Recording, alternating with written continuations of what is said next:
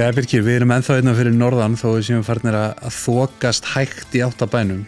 Já, við erum samt núna norðar en við erum búin að vera. Já, en, en hérna, við sitjum inn í fljótonum á, í hljóðverinu sem að til er deplum. Því lít mann virki, þetta er, þetta er æðislegt að vera það. Steini tók, hérna, hann Þorstein tók vel á mót okkur sem er svona veiðistjórin hérna á deplum og, og hérna sínt okkur allt sem að til er hérna starfseminni og, og frætt okkur og við fengum að nota þetta forláta hljóðver. Um, og við spjöllum um hann fórum yfir allt þið mitt eins og ég er búin að segja sem til, til, til er þetta eplum og hans leiðsögn og bara feril sem veiðmaður og merkingar og sjóbyrtingi í húsi að kvísl og Já, það er áhugaverar pælingar. með sjóbyrtingi sem kemur svolítið svona setna í partin í þættinum. Já, en við værum náttúrulega ekki hérna nema fyrir góða fólki sem stendur með okkur. Það er rétt. Og það er Eirberg, það eru þar túfti undirfuttin sem að sem að standa næst okkur bókstala því að þetta er það sem að liggur, liggur einstaðmanni þegar mann er kallt í vorfiðinni og svo er það sjálfsögðu vinnur okkar Dotti og Gunni í veðifélaginu sem að hérna, standa alltaf vaktina og það er nógatún 17 því þekki það. Þekki það, kíkja á strákana En við erum með sérstakka styrtaræðara líka sem ger okkur kleift að koma hérna á Norðurbyrkir Já, það er bílinn góði sem búin að bera okkur allar leið. Já, það er afis bílalega, þeir standa með okkur og hérna ger okkur kleift að koma hérna. Rafinn skriði liggur í, í hérna appilsungulur viðvörun og þetta hefur bara gengið smúð hjá okkur. Já, bara ekkert mál, koma allar græðunar allt í skotti og fá vel um okkur strákana. Já, en svo er það veiðuríkið Siggi snillíkur, ég heyrði í honum og hann bara auðvita komið ykkur norður, ég græði þetta Já, hann tekur öllum pílu áskorunum Já, endilega farið og, og hérna, komið við veiðuríkinu og ef það er ekki ómikið að gera, skorið á kallinni pílu. Hann lofar að gefa ykkur hérna, þumal þykka akkureyraflugu ef, ef að þið vinna En Þorstein njótið. Steini, velkomin í Hilin Takk fyrir það. Herri, þú tókst hérna höfðinglega á mót okkur á deplum Já. og síndir okkur svona það sem að, já bara hér er þetta er náttúrulega bara eiginlega mann er fallast hendur. Þetta er bara það sem að þetta, fyrir mig er þetta bara orðið svona venjan, nú er ég búin að vera henni í þrjú ár eða fjórða ár gæta í tvö ára undan en það gaman að geta sínt ykkur þetta og Já, þú ert að vinna hérna fyrir Eleven Experience sem að áur eitthvað depla. Þú ert titlaður Fishing Operations Manager og, og fleiri titla svo sem.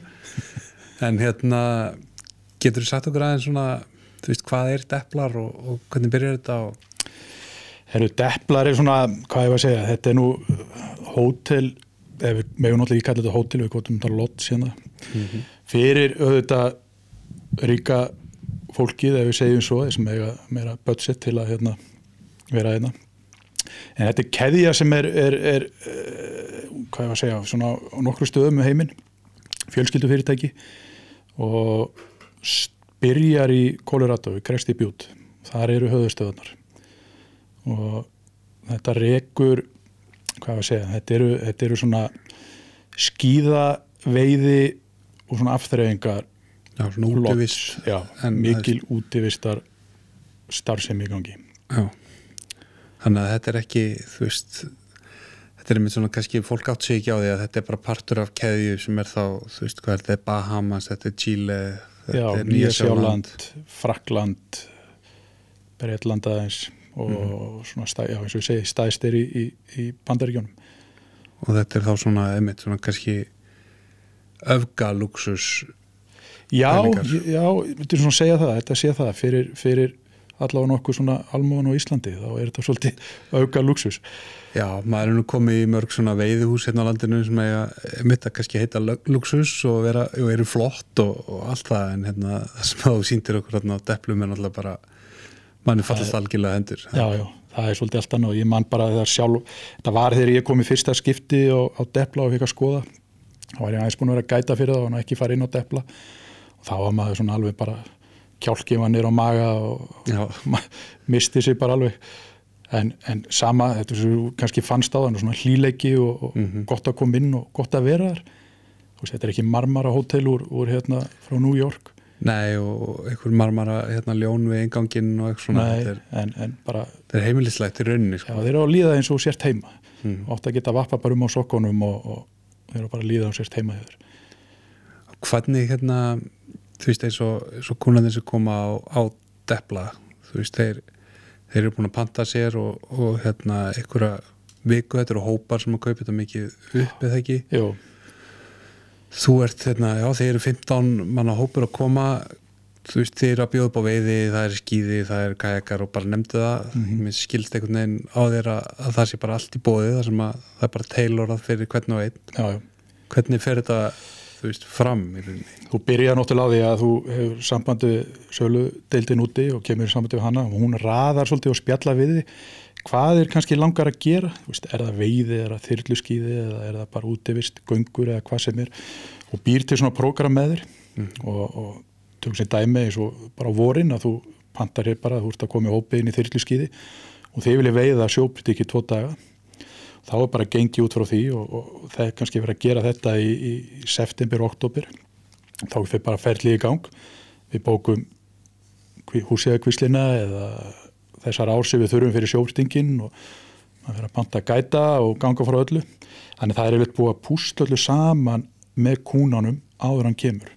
Ja. en vissulega getur komið upp svo stað að einhver býðjum það um kvöldmatarleiti að fá að gera eitthvað allt annað daginn eftir fljúa bara upp á vatnajökul eða, eða fara að veiða í, í lags á jaldal eða, eða whatever og þá þá maður bara að fara um minnetti að fara að ringja í, menn og panta veiðlefi og, og retta gætum og, og þess aftar hann er sveileginu fyrir hendi líka.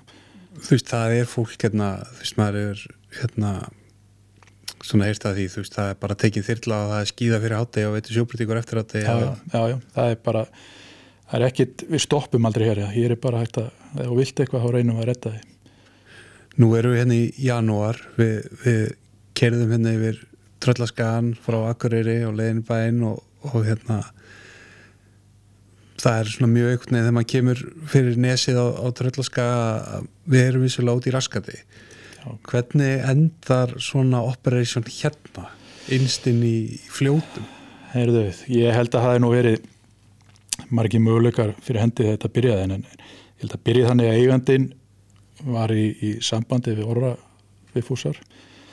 Sennilega byrjaði það eitthvað í gegnum NAFS eða, eða hreinlega bara hann var að veiði selá sem að myndast einhver tengst þar á milli og, og svona fljótu bræði þá held ég orri hafi dreyjað hann hérna inn í að, að reyna að skoða það að gera veiði úr sverju fljótana. Já, já. Og, og depplar svona átti nú bara að byrja sem sennilega 300 fermetra veiðihús eða hvað sem átti að vera en endar í þarna nokkuð þúsund fermetrum. Stekkaði örlítið. Örlítið. En ég held að þannig hafi svona verið byrjunin. En svo var það líka það að, að hann náttúrulega sama tíma mikil skíða á maður og, þá passar þetta alveg saman að ef þú ætlar að skýða þá verður þú náttúrulega að vera í fjöllónum að svona snjúrunir mm -hmm. þannig að núna er þetta svona skýða veiðihótel með útivistar activities svona heilt yfir og orri náttúrulega með sína tengingar hérna fyrir Já. og búin að vera hérna lengi og... Já, hann var náttúrulega búin að vera hérna mikið og, og, og við svona kannski stígum inn í og, og aðstofum þá við að hérna, halda áfram því starfi sem hann var með mm -hmm. og, og vissulega Elvar góðin í það núna sem var hér hjá okkur áður Já, Elvar Fredriks var hérna í rauninni, þú teku við á honum Já, svona, ég teku við á honum og er mér í það, hann náttúrulega ég byrjaði að gæta fyrir þá bara upp í húsið að kvísl á svona sævari og, og hötta og mókahulaðinu stutt hérna á milli og svona sísónu tengi við þetta þyrlu tímabil hérna. Já og það byrjaði þannig að Elvar rýndi svo í mig og fjekk mig til að koma hérna og aðstofa sig við að hérna, koma á svona einhverjum rjúpna við hann var búin að fara einhverja fjóra-fimm túra hann Elvar í rjúpna við og hefur aldrei hitt rjúpu, veit ekki hvernig rjúpa lítur út. Kann ekkert á rjúpur alveg bara, ég held að ennþá núti í dags er hann held ég bara mestalega búin að skjóta eina. Að hann svona fær mig í það en hann er náttúrulega mjög fær svona veiðimaður. Já, en, en kann ekki það rúpur og svo svona þróast þetta bara í það að ég kemur inn og, og hann bara dundra mér í þetta starf veiðstarfið og svo er búin að þekkja hann frá að maður náttúrulega opnuðu svona mér ekki að ykk og, og jú, jú. þannig að hann fær mig þetta starf og, og er náttúrulega ennþá að vinna á fyrirtækinu þannig hann var svona já, meðan í vasanum að hjálpa mér hvað ég ætti að gera og við vorum náttúrulega bara ennþá og erum ennþá í sambandi dagstælega, ekki svona já, nánast um, um bara djópið og þar að leiðandi detti bara inn í þetta á fullu. Og ennþá er þetta svona veist, þetta veiðistarfi er svolítið það er um að, að hérna hvað ég segja, það er að plana veiðina það er að plana með gestunum hvað er alltaf að gera e, sjá um gætana gæta líka ef það þarf og svona bara allt sem tengist veiðinu sem eru með. Það þarf að sjá um búnað og þetta er ekki svona eins og kannski vennlegt veiðús uh, fólk mætir bara á lagskonum og það eru völlur og völlskor og Já. stangir og flugur og Já, og við bjóðum upp á það að, að við erum með allt saman, það er bara e, létti klænaðurinn yfir í vöðlurnar og, og stangirnar og, og hjól og línur og flugur og allt sem að bara þú þart. Mhm. þó svo að þegar maður kannski er að plana með veðmönunum um veturinn þá svona, það er einn og einn sem kefur mér sína græjur. Einhverju svona spes já, já, kallar sem vilja sitt en flestir eru svona feignir í bara að vera lausir við það. Já. en þetta eru við bara með alveg græður hérna sem við bjóðum upp á. Og það er svona minkar vesinni að, að, að bera allt með sér séu þart þannig að en svo þarf að velja réttu gætana og, og koma þeim í þetta svona gerist kannski í april, mæ að, og svona láta að vita hvernig sumari verður og þjálfa þá að að þeir, þannig að þeir fungi með okkar gestum. Mhm. því það er ekkit sama hvernig hérna hvernig gætar eru. Nei, nei, og þetta er keðja, það þarf að vera ákveðin standart og samræmi og, já, já, því að við erum með, við sjáum náttúrulega um, þetta er ekki það að, að, að gætin býði bara út í ánni, hann getur verið að keira gestunum, sjáum matinn fyrir þá, hjálpaði með drikki og hjálpaði með völur og þetta er ekki bara það að hann hitti það út í á og, og, og hérna segja honum hann eða kasta þangað og, og Mhm. máli dött. Ég hef mitt hérna þú veist, ég hef eh, tekið á móti gestum frá okkur hérna og þetta er svol- svolítið þú veist, maður þarf stundum aðeins að býða þú veist, það er náttúrulega margt í bóði og, og þeir eru náttúrulega alltaf beisaðir hér og, og, og ferðist svo út frá því þeir eru ekki alltaf að fara í þessi veiðuhús Nei. það er einmitt svona, þú veist, það er já, að kalla það nesti er kannski ekki alveg rétt að orðið yfir, yfir matinn og svona aðbúnaðin sem flæðir með, sko. Nei, þetta er svona við erum alltaf búin að búa til okkar línu með mat og annað hvernig við viljum hafa þetta og við förum bara allar leið með það. Það er ekki bara þessi flottu maturinn og hóteli heldur bara, þú veist, næri þetta allar leið. Þetta næri út í á, þú veist, þetta er upplifinu fyrir gestina, hún bara ná allar leiðina. Þú veist, þannig að, að við erum að passa okkur að, að veist, þegar við keirum úr ánniði hvort sé það sé með bíl eða þyrlu þegar við farum tilbaka þá sé bara gesturinn ennþá með, ef hann er svangur að bara færa hann að borða, að hann fá upplifun allar leið. Þannig að þetta er um, þó nokkuð marsjóðast að hugsa Þetta er, niður í, hóp. þetta niður í smæðstu smáatri hjómar eftir, veist, það er ekki bara serriturnar sem eru mertar eða veist, það eru tuskurnar utan um nýjapörinn og hérna, það er bara allt. Og, og, og þú vill líka sko þegar maður, maður öll nóttin og kvöldið áður fer ég það að hugsa sko, já, heyrðu, ég er að muni til þessu ég er að muni til þessu, ég er að reyta þessu. En svona þegar maður var í gæturinn í gamla daga þá er litt bara beðstói vöðlónum úti. Gætin kom þín, nei, veðmaður kom þín og, og var þá bara klár, þú er ekki dávíkjör á honum, ef hann glimti ykkur þá var það bara honum. Já, en núna er það öfugt, sko, núna hugsa maður algjörlega fyrir, fyrir gestin. Passa upp á það því að þú vilt náttúrulega fá hann aftur og kannski ekki endilega að hann komi aftur á, á depla þó við reynum það en, en hann kannski vilja vera áfram hjá okkur vilja vera áfram hjá lefin fara í önnu lots um, um heiminn fara eitthvað annað.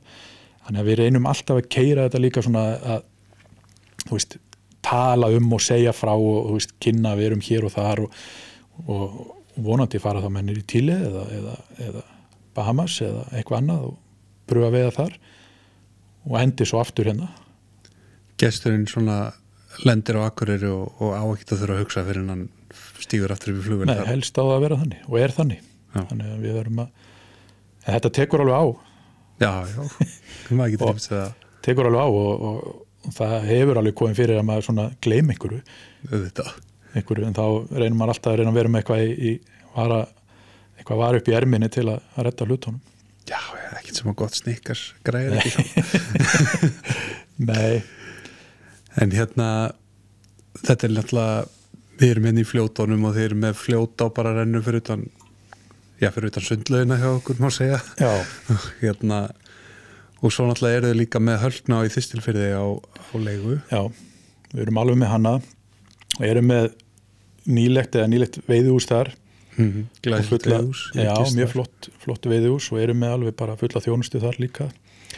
Og ég er að selja það líka líka inn á Íslendinga. Mhm.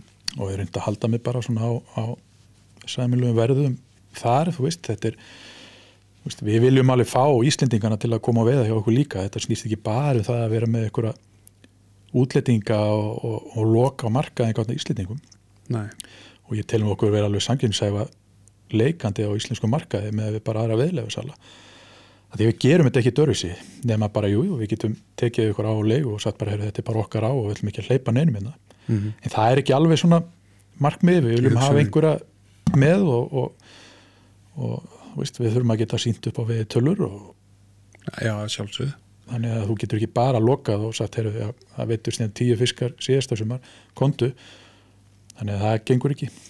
Og svo náttúrulega ert þú í Ísladau með, með Valla og, Óla Ragnar í að operita húsi að kvísl og það er náttúrulega óhjókamilega tölur samgangur þarna á milli líka. Já, já, við verum og það var ári ég kannski datt inn í kvíslina svona á fullu með valla á þeim að, að þá voru náttúrulega lefin með í samstarfi við valla og hefur verið að nota það mikið þá á hún henda bara vel. Það er bæði þetta að fara í vorviði og, og veiða yfir sumarið og seint á haustinn og, og henda með fljótáni við reynum að raða saman með útlendingum að þeir geti kannski verið á deplum og þeir veiði í tvo daga í fljótáni og farið svo yfir og veiði í tvo daga í kvíslinni og helst að þeir geti komið og, og veitt í höllnún líka, taka bara góða viku. Og svo erum við bara líka bjóða saman, sumir vilja bara vera að fara í urriða veiði og þá er ég að púsla því saman og sumir vilja fara eitthvað annað, við erum að fara í blöndu í miðfjörðin, Sumi við ekki á flugu og, sumir við ekki á flugu sumir vilja bara vera í, í spúnveiði og þá bara redda því. Mm -hmm. En maður hefur séð mynd myndi frá okkur þegar við erum að fara með kuna á þyrlun upp í blöndu fjögur sem maður lítur náttúrulega að vera Já. ákveðin sjarmi við því. Það er mjög, það er mjög mikill sérmi vegna þess að þú, þú flýgur hérna upp og þú lendir efst í gilinu þú sér ekki neitt. Þú veist, það er bara, þú horfir bara niður gilið og þetta er bara eins og þú sért upp í gjössalega upp í óbyðum svo vissulega ert svolítið en svo röldur hún allt gilið þú sér aldrei bæina í kringu þig svo fer bara að þyrla með því burti aftur inn á, inn á depla og þú ert algjörlega eins og þú sért búin að vera einhvers þar í, í bara Alaska Alaska. En vissulega er þetta Þetta er langt frá einangrun. og þú ert einn í heiminum hann mm -hmm. skemmtilegt svæði. Þú veist, hiljirnir ekki mertir og þetta er svolítið svona þetta er svolítið töff að vera þarna. Já, og, og vissulega hefur bara kannski veiðtölunar að ekki verið svona með okkur síðustu 2-3 árin en, en það kemur tilbaka það kemur, Já, ekki vona það jú, jú, klálega en þetta er svona, já við höfum verið að fara þarna og þetta er svona þetta er svolítið örvísi þetta er svona skemmtilegt veist. það er allt örvísi að vera að fara tökum dag, ár sem dæmi hérna bara, þú veist, sem ekki og ég hef gaman að þeim að fara í langa á það sem að þú fer á veiðir og þetta er skemmtileg, fallega á fullt af veiðistöðum, fullt af flottum fiski en þú ert alltaf ofan í kún, veist, öðru veiðmönnum mm veist, það eru skiptingar og það er dót og, og en þú ef þú ætlar að reyna að velja einhver ár sem við erum meira að gera það er að vera einhverstað svona einir og sér. Mm. sem er ekki tröflun og getur svolítið svona hagaði bara eins og eins og eigir svæðið. Já, enginn hafi verið á þeirra að koma eftir þér þó svo auðvitað var eitthvað kannski undar en þeir, þeir finn, veiðmenni finna það ekki. Mhm. finnst þeir svo sért algjörlega einn. Það er alltaf aðeins annað að lenda þyrlu þú veist, einhvers starfun í gljúfurinn í blöndu eða á bílaplanni við einhvern mertan veðistag já, það er bara, bara allt, allt, allt annað. Og þessi hérna, tilfinning er svolítið í höllnáni Já, þar, þar ertu svolítið þó að við íslendingarnir vitum og vitum að þósöfnur er við hliðina og en þú fer í hölknana að veiða og þú sér engan um Óla Bónda kannski verið eitthvað að skottast eftir einhvern rollum sko. En hans ertu bara algjörlega einn. Fer í, hann í gljúrið þú sér engan símin ekki sambandi. Þetta er mjög þægilegt og, og vistvænt fyrir svona alveg veðmenn sem vilja koma að slappa af. Algjörlega, þetta, þetta er náttúrulega veist, það sem við erum að lýsa er náttúrulega eitthvað sem er fyrir okkar hlustundum uh, allflestum náttúrulega algjörlega out of touch sko, veist, þetta er eitthvað sem er svona hérna, við erum erum mjög þakkláttu fyrir ykkur að, leifa okkur svona aðeins að skiknast á bakvið að það er ofta ekki uh, kannski svona mikið leindarhyggja frekar heldur en að en við fengið að opna hérna bara allar hurðar og allar skápa. Hjá okkur Já, já, þetta er, þetta er þú veist, þetta er þú veist, við, við hefum okkur auðvitað öruvísi þegar við erum með, hérna, kannski ekki öruvísi við erum alveg, við erum með kúnan við, við pössum hann algjörlega þú veist, hann er nummer 1, 2 og 3 og, og reynum að draga okkur svona út úr fjöldanum og annað en, en, en, en hótelið er kannski ekki alveg akkurat eða lotsið svo göllum að kannski ekki akkurat sko, við erum ekkert að fela það. Nei, nei, þú veist, við, það er hérna í Dallum það er fólk úr sveitinni sem vinnur hérna það er alltaf fólk að koma og það fær fólk að kíkja við þó svo að við pössum það að ef það eru gestur á hótelinu þá, þá kemur ekki annar inn. Nei, en, en við reynum aðeins að, að kontróla því. En hérna, ég, nefndi fljóta á hann Já. sem er nú hérna já bara eiginlega frábær veiði á allt, allt þetta svæði bara þú veist náttúrulega rosalegt bleikjusvæði og svo náttúrulega lagsvæðan líka. Hvað getur þú sagt okkur um fljótana? Herðu, fljótáin er ég, ég, ég fór og veitti hérna eða veiði gætaði hérna mann hérna, ég held að það verið 2015 fengið að koma hérna, hann var ég með útlendingi í kvíslinni voru við nokkrir og hann þekkti eitthvað orra og orri bauður um að koma hérna við komum og við bara hvað er þetta, helviti spræna vatninan rann, rann rætt niður. Mikið að mýi, ekki ekkert að vera hérna. Náðu samt að landa einhverjum eh, fjórum lögsum með eitthvað og eitthvað að bleikjum og víst, maður svona hugsaði með sig þetta, víst, ég ætla aldrei að koma hérna aftur. Þetta, mann fílaði þetta ekki. Svo byrjaði maður að vinna þetta og maður fór að umgangast ánað þá sá maður bara hvað hún er svona allt, allt öðruvísi heldur maður hafa henni í minningunni. Mm veist, vatnið er að vissulega alla gerðir af vatninu, það rennur hratt það eru hægir, hillir og, og, og þess aftar, en hún geymir bara fullt af fiski. Hún er búin að vera í þetta frá veginum er þetta Já. svona típisk bleikju á þú veist það eru speiklar, svona bleikju speiklar og, og áinn hröð. Áir hröð. Hún, geimi, hún er búin að gefa núna um hátt í 200 lagsa síðustu tvö ár sem er bara kannski gott með að við átnar á Íslandi hvernig búið að vera. Algjörlega. En svo getur við sagt kannski um þúsund bleikjur ári svona það sem að allan að rætti í bókina mm og þú ert alltaf í aksjóni, þú ert alltaf í fiski öllum hyljum og þú ert alltaf að reysa eitthvað jú, jú, kannski eru það bleikjur sem eru að djöblast eitthvað undir allar að uppstríma, allar að nota sönri eða þú veist, Mm. þú ert alltaf í ykkur aksjóni þú veist aldrei, veist aldrei hvað er að taka hvort sé bleikja bleikja ekki stórlags sko. Nei.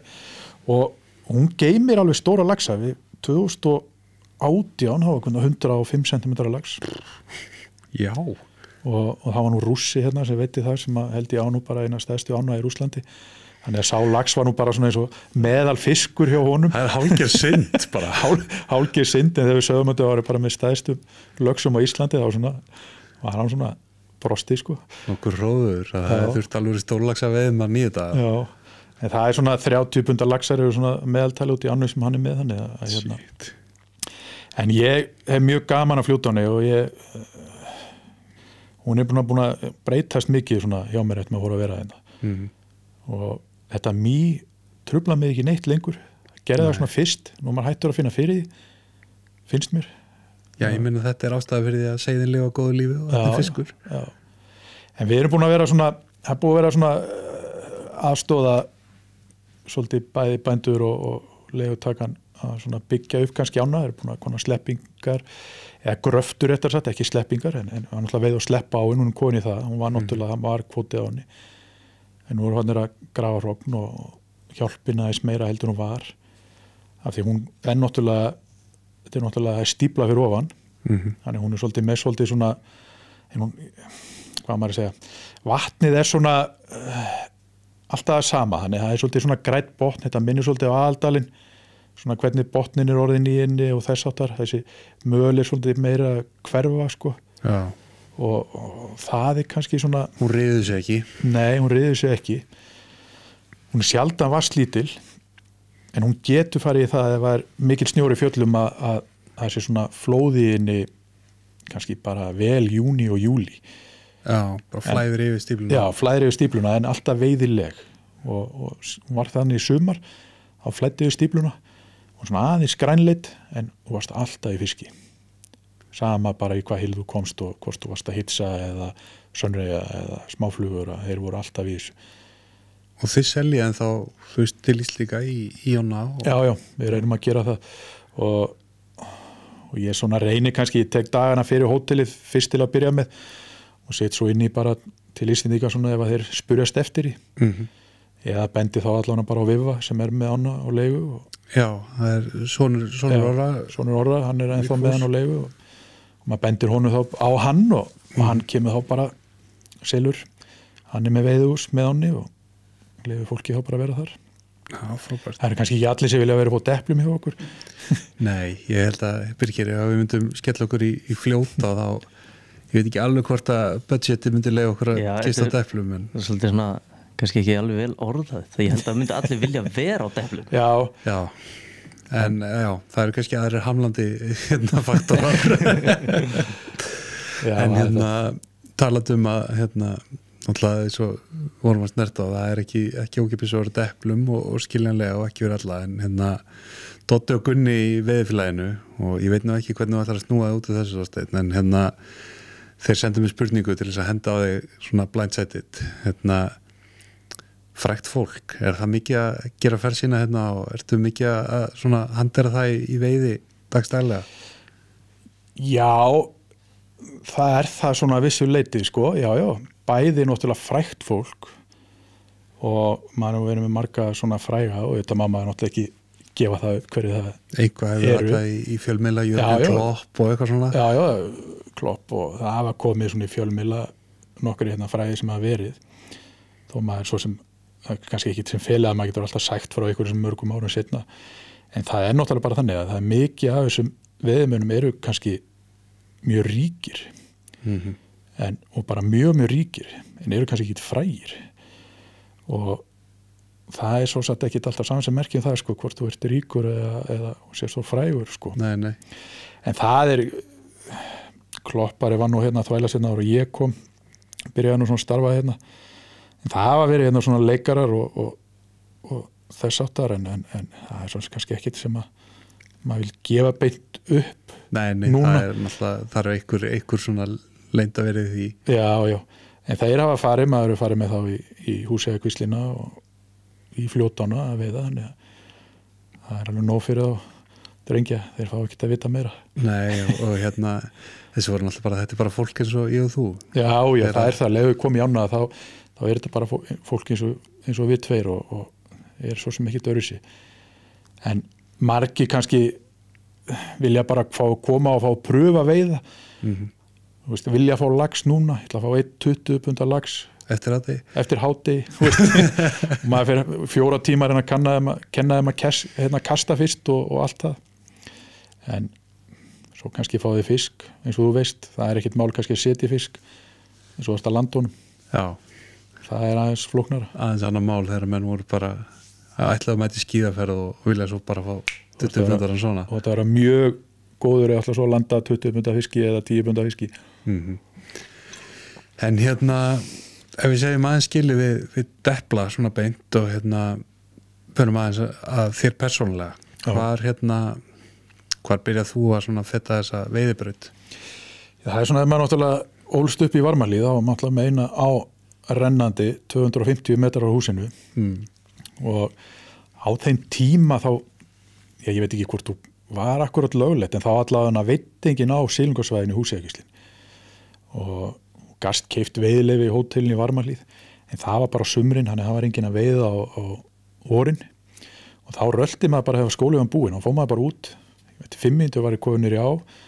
Maður fóð bara að veiða leika sér að veiða og maður var að veiða ykkur urriða og sjóbyrting, það vissi maður alltaf enga mun hvað urriða sjóbyrting skilu það var bara allt ykkur fiskur. Og þannig ég svona byrjaði svolítið þar og svo átti svona fjölskyldan hjá mér átti, átti sumabústa við svínavatninu Blöndós og þar var maður svona á bátaveiði á sumrin og netaveiði og- já, já, þannig þar var maður mikið í kringu veiðina og svona kveikta þess í mér sko. Og eins hann að heima afi átti nú frá bæ við varmalíð þannig sem átti alltaf bændadögu á Sæmunduráni maður þvældist þar og eftir honum þú veist, hann var alltaf bara með hérna, spún og maður sko að veiða bændadaginn og eldi maður hann í kringu Sæmundurána að veiða. Mögnuð á, sæmundur á mjög mögnu á smá spræna. Já, en geymir fullt af fiski. Og stóra fisk já. og það, er, þú veist auðvitað ætla ég náttúrulega ekki að tala helst mikið um sæmdurana hérna því að, nei, nei, að maður svo sem hérna þó maður hafi upp, í- upp í kringum hana og, renni þarna og svo sem á hérna er aðri með hana á leigu og að veiði henni. og þú veist, það er bara fín veiði og glæsilt veiði og svo allt, allt gott um það já, að segja já, sko. og, en þetta var alveg draumur að eins og að hafa þessu á að leigu. Já, ég veit ekki hvort þeir gefið það nokk tíðan eftir nei, Maður ég held að í sé hana. búin að kaupa sér eitthvað jarðaskikka og svona til þess að reyna eitthvað að já. sig og alls konar en auðvitað bara veist, fína og maður er oft í kringu þannig að það er bara gott að þeir hafið hana og Mhm. selja sínum kúnu þar en svo svona byrjaði maður já, þarna var maður að þvæla svo, svo fóð maður svona að kynnast kynntist nú ekki valla fyrir en mikið setna sko, maður náttúrulega mann bara eftir honum í skóla og þetta var svona já, titturinn í, í skólanum alltaf rífandi kjátt og eitthvað þannig. Og, en svo fór hann alltaf bara í burtu fór þetta krók og fór svo eitthvað sögur í skóla en maður svona kynntist honum ekkit fyrir setna almilega en þá fór maður að þvælast með Sævari og, og Hötta og, og þeim frændum hana Átna og, og Óli kom nú svo setni inn í þetta, hann er svo ungur. En við fórum að veiða svona vorum að þvælast þarna í kringum kvíslina og, og nýr á Seilungarsvæði og, og förum svo suður ég flytt suður bara um 2000 og og komið suður og þannig að við fórum í þess að fræðu korpu og vorum að þvælast þar fyrir fyrir 500 skall að veiði í korpunni. Korpuljón það er þjóðflokkur. Maður hafði ekkert efna á að fara í elli átna sko, en maður komst í korpuna. Jón Þór var búin að redda því.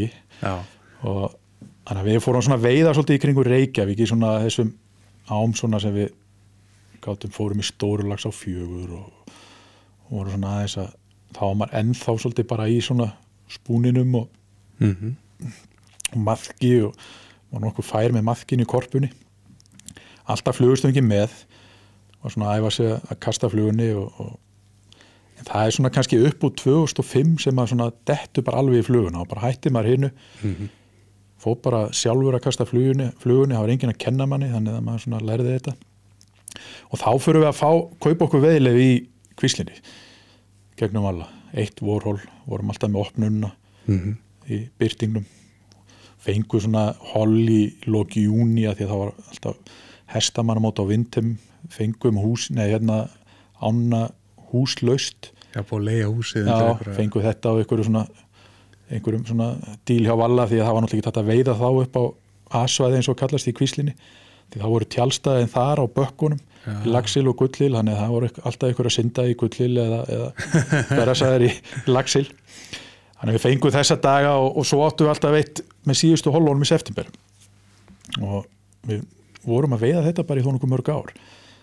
Þannig að það er svona ekki fyrir bara núna í kannski síðustu tíu árin sem við fórum svona detta inn á að vera með svona alvöru holl Mm. alvöru Náttúrulega á þessum tíma þá er náttúrulega allir veiðsjúklingar Íslands að fylgjast með ykkur á, á vei, hérna mókveiði.com eða ekki, hvað er þetta? já, og ná mókuðið síðunni veðum.com Veiðumum.com, já, það var, mókveiðifélagið. já, það var það var mjög skemmtilegt tíðanbíl og svo við köllum okkur nú ennþá svona mókuðið félagi en, en veðum.com er við erum búin að loka síðunni, við erum með hann á Facebook sko, Já, aðeins.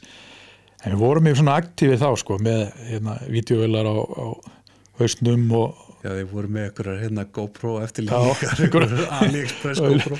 auðvitað fyrir þá og, og, og reyndu svona ímislegt og, og það var bara mjög gama þá var eiginlega engin svona byrjaður Facebook var náttúrulega ekki komið og það, veist, það var ekkert að þessu komið almennlega þannig að þetta var bara vefsíða og svo settum við bara á YouTube myndböndinn og vorum að reyna að búa eitthvað til og ég er ekki að segja að við höfum verið einhverju svona fórsprekkar í þessu en en við vorum það allavega samt, sko, hvort segja það ætlaði ykkur að ekki. Já, já, og sem aðri er búin að taka fram úr okkur núna en það eru við bara hundur gamli kallar og, og, og hættir, þessu, núna.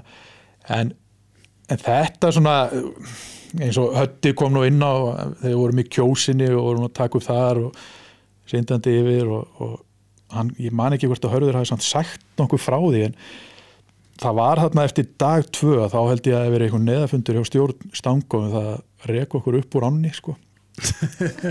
En það var það, þau bara, heru, það er einhverju bara berasæði menni í, bara þarna niður við brú í, í svæði eitt í í lagsáni og bara það eru útlendingar hana og allt í skrúinu bara þau eru að senda upp úr ánni. Grókjaðu En- menn. Já, en það reddaði svo fljótlega og hérna við förum svo veitum við að gerum flott myndbönd í kvíslinni og fórum í aðaldalinn og svona þess áttar og voru svona duglegir svo bara hættu við þessu svona þegar maður áhugin minkaði kannski á að vera búa þetta efni allt til.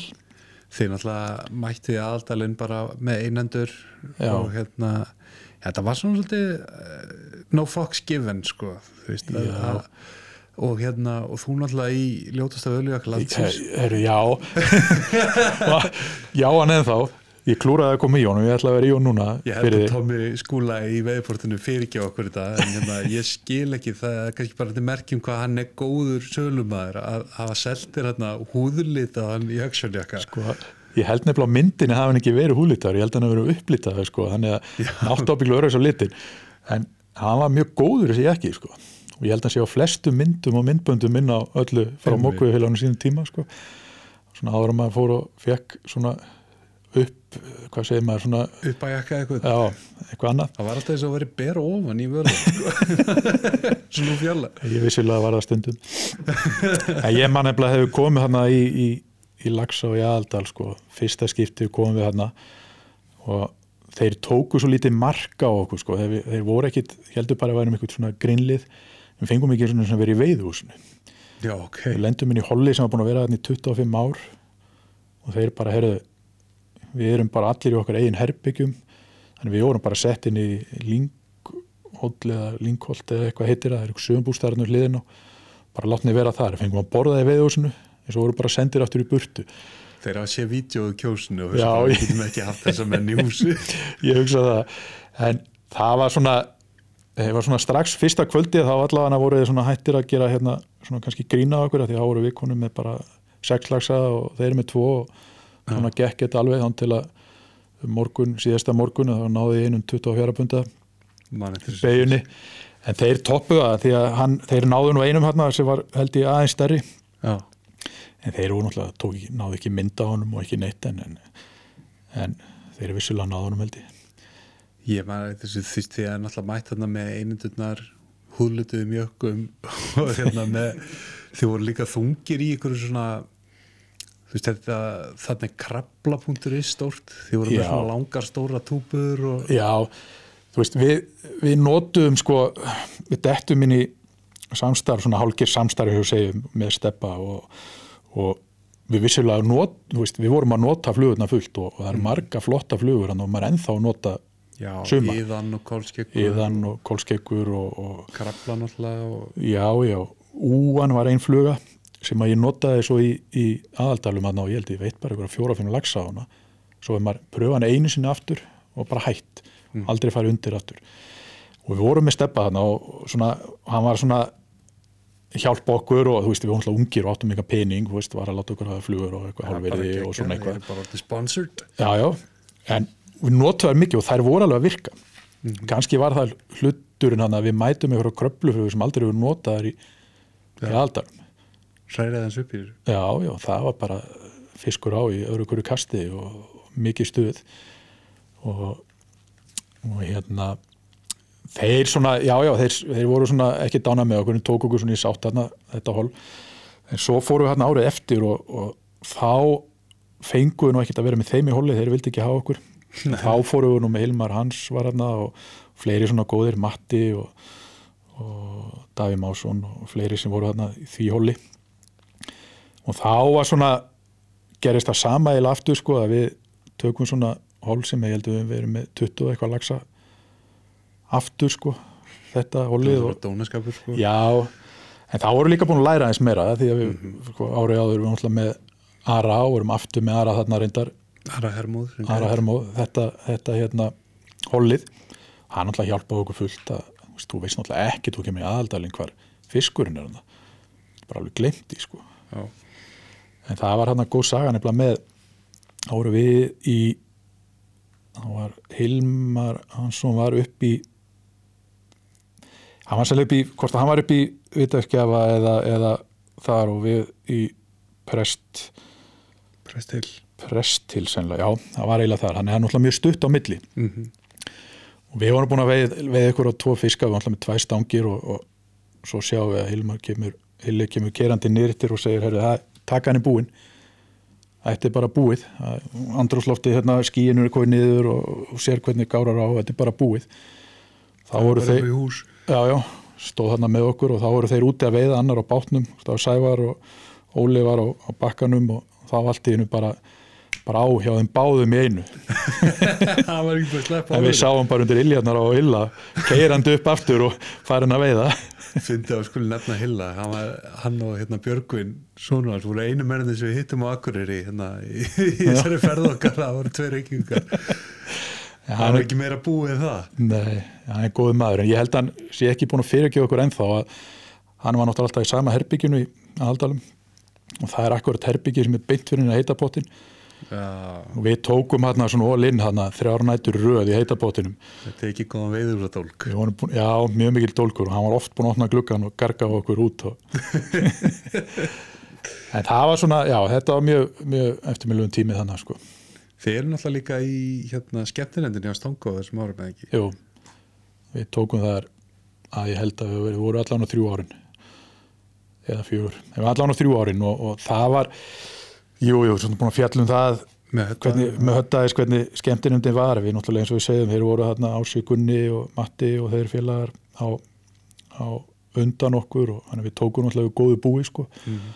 heldum því bara svona áfram og, og reyndum bara að keira aðeins betur í það og svo náttúrulega dó þessi skemmtun svolítið svona eins og komið fram bara, það er ekki Algjörlega. það er breytt bara út- stemming og svo náttúrulega þessi salur ekki, Ekki lengur. ekki lengur Nei. reyndum hann ekki við ég, ég kom hann á opið hús þegar það var upp í rafitu ég man ekki hvað þetta heitir hann að höfum sem voru það var eitt árið það voru upp í salum hann á Já, það hefur alltaf verið, ég held að haldist ennþá síðast opna húsi á, á vorin, eitthvað svona vorfögnuður en það bara náði ekki að halda þessu þessu hérna dampi ennþá þar sko eins og var. Hvort sem að það sé breyst já, já, þetta breytist það bara og það er bara gott, þetta er tími sem var og, og við reyndum hann að meirins að það, við lendum þetta hætti í hrunnu en við, við byrjum svo og náðum einni ásáttíð þetta var síðast ásáttíðin sem var. Já, var hann upp í, upp í Súlnasal.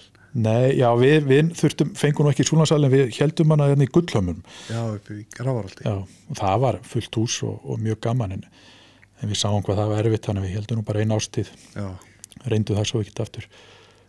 Nei, nei, þetta, þetta voru náttúrulega alltaf framann að síða heyrt þessar ásatíðir og Já, en þetta var gríðarlega vinna að vera um þessi opnu kvöld sko. það var það var náttúrulega brasi því að fá ykkur hvað er átt að vera sko. það var að fá prestinn og það var að fá ykkur einhverja einhver til að vera með atriði og einhver til að vera með veðistæðalýsingu og, og búa til myndageturunna og svo að betla út vinninga og kaupa vínið og mættir fyrr og sjá um allt og ganga frá og þrýfa húsin þetta, var feikna vinna.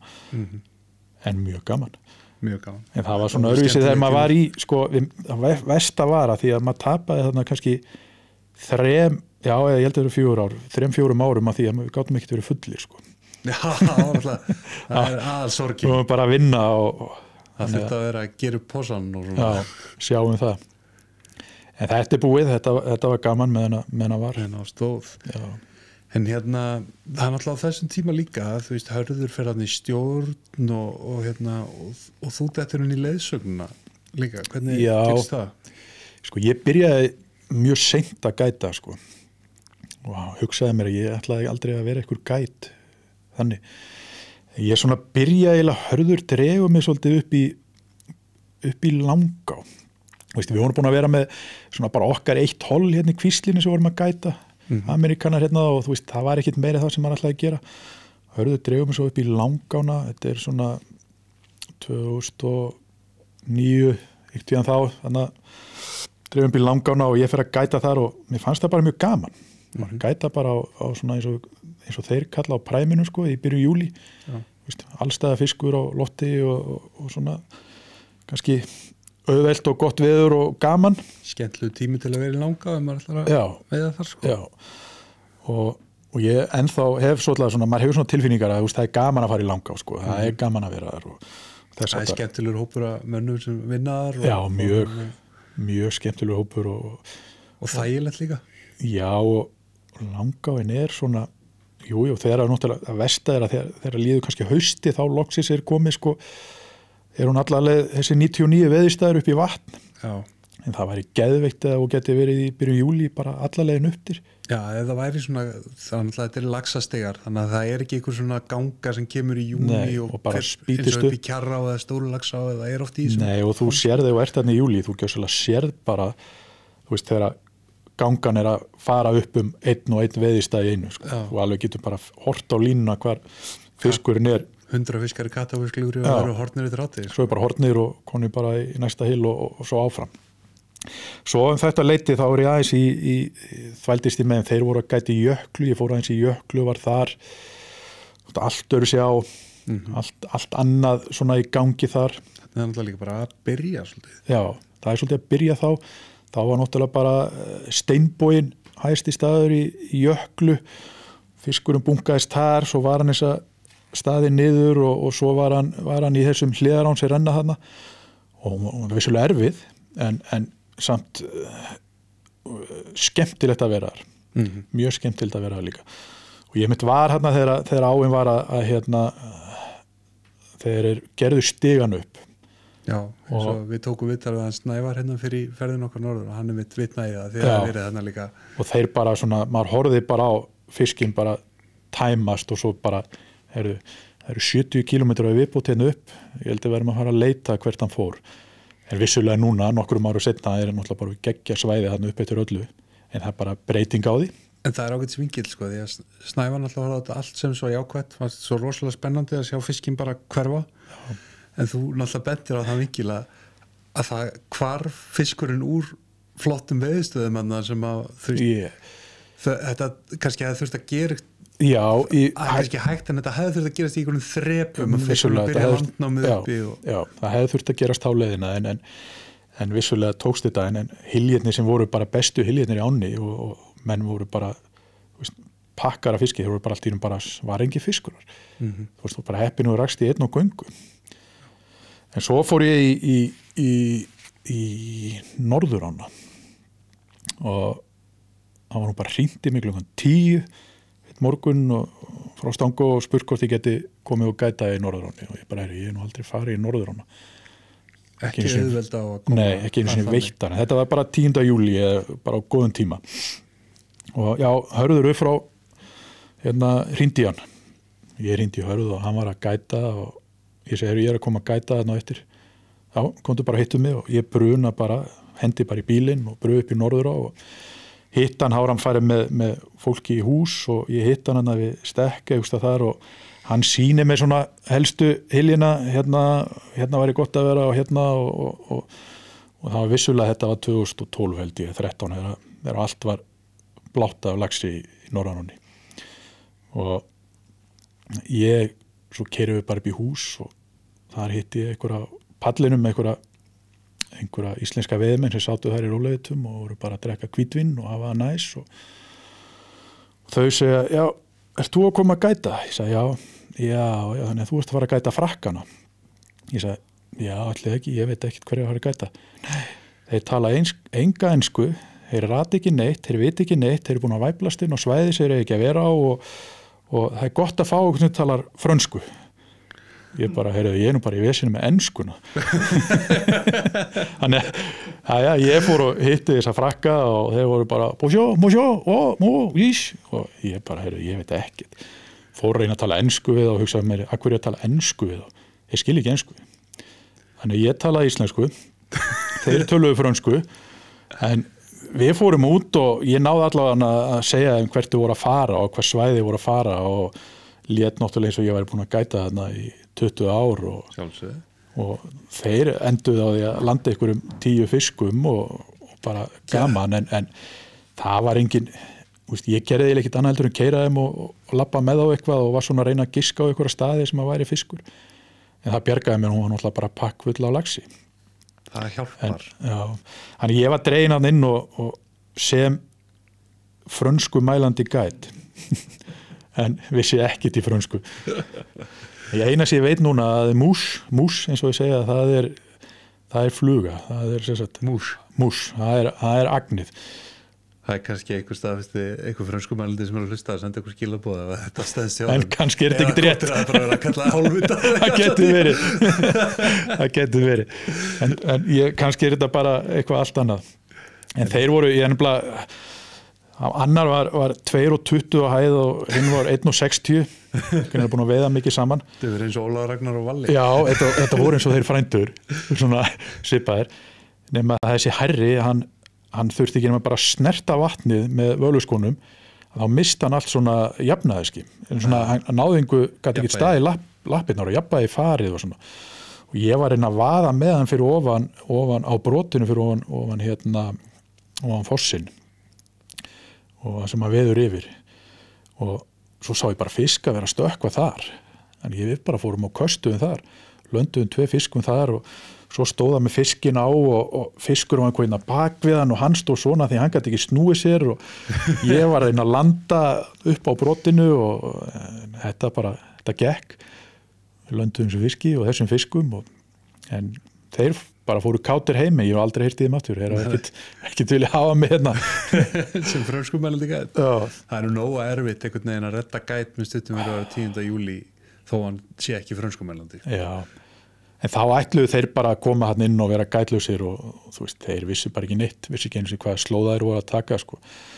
En eftir þetta svona detti ég bara á fullu og, og fyrir að gæta meira í kvíslinni og kem svo hérinn, gæta hér fyrir lefin í kvíslinni áður fyrir að vinna og, og svo eftir ég byrja hérna bara að vinna hérna þá bara er ég að gæta í hölknáni og er að gæta í fljótáni og gæta upp í kvísl og, og vera með veist, að sjá um þá líka á sama tíma og þetta er ekki alltaf gæt. Stundum með maður bara séum að keira á eða fara með með þyrlunni og fara með það á veiðistadi og kynna það fyrir gætunum og bara, svona alls konar utanum hald og, já, bara og því svona veturna ert í þú veist alls konar viðhaldi og, og Já, já. svona líka sko. Ég meina það þarf að púsa veiðistangirnar og fara með bílinn í smuður fara og- bílinn smur og, og flota eitthvað gólfi eða mála eitthvað vegg. Þannig að maður feir bara í allt sem maður er í, er í bóði hérna. Fínt að vera með eitt sjóðan og björgunarsveitinni hérna líka. Þetta er mikil snjóakista hérna.